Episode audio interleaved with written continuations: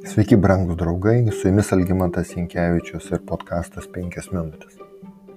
Turime pripažinti, kad per amžius įvairios krikščionių bažnyčios sukūrė savo dvasinių disciplinų sąrašus, kurie formuotų tikinčiuosius pagal jų religinės tradicijos akcentus.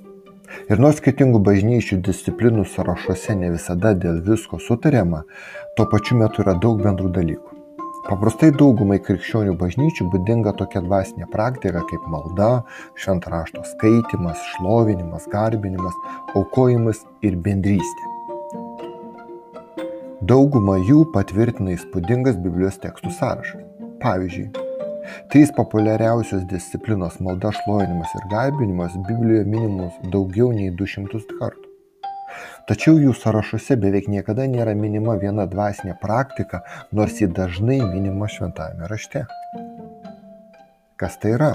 Tai yra klausimas. Šio, žio, šio žodžio šaknies a, žodžiai Biblijoje yra paminėti maždaug 700 kartų. Ir dauguma iš jų yra, a, a, galime taip a, sakyti, įsakmiai nusiteikę, kabutėse.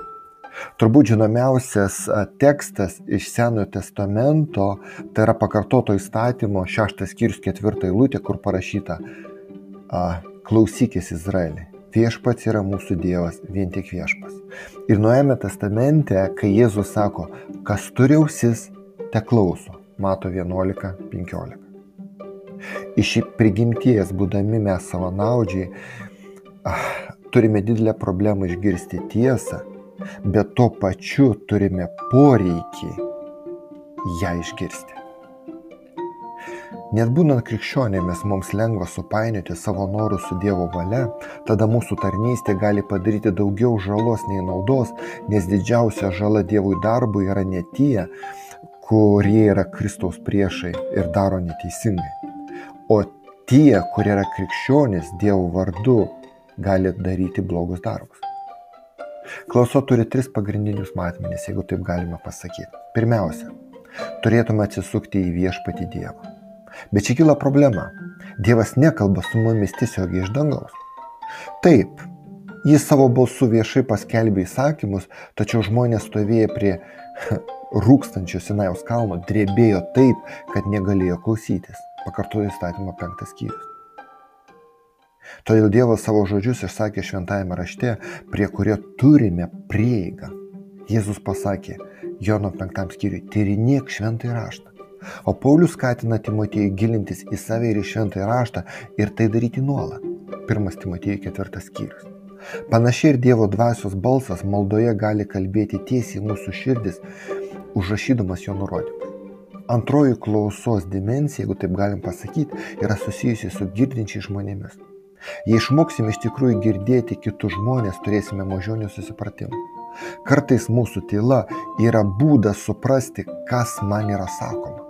Saliamonas sako, patarlio 18 skyriui. Duoti atsakymą žmogui jo neišklausius yra kvaila ir užgaulu. Dažnai pokalbėje užat supratę ir klausę, ką pašnekovas bando mums perduoti, mes tuo pačiu metu apmastome savo atsakymą ir laukiame jo žodžių pauzės, kad galėtume pasakyti ką nors savo, įsiterpti. Yra viena paradoksali tiesa susijusi su kitų klausimu. Kuo aukštesnė vadovo pozicija, tol daugiau jis turėtų klausytis. Bet ar taip iš tikrųjų vyksta? Mes paprastai siejame lyderystę su kalbėjimu, o sekimą su klausimu. Tačiau atidus ir dėmesingas klausimasis gali duoti dar didesnių, geresnių rezultatų nei pats galingiausias pamokslas, paskaita, lekcija ar seminaras. Pagaliau visi turėtume išmokti įsiklausyti save. Paulius sako, patikrinkite patį save, ar laikotės tikėjimo, ištirk save. Antras korintiečiams 13 skyrius kad kai atkreipiame dėmesį paslėptą savo širdies kampelius, tada Dievo dvasia mumise atskleidžia tai, ko negalėjome pastebėti savyje. Susidurėme netikėtai su savo godumu, pavydu, pykčiu, egoizmu ir kitomis giliai paslėptomis įdomis. Ir tada mes turime pasirinkti, ką daryti su visu to kabutėse turtu. Nepastebėti ir leisti šiai nuodėmingai puokštai kabutėse žydėti, arba maldauti viešpatės, kad jis mums padėtų susitvarkyti su visa tai, nes mes patys negalime.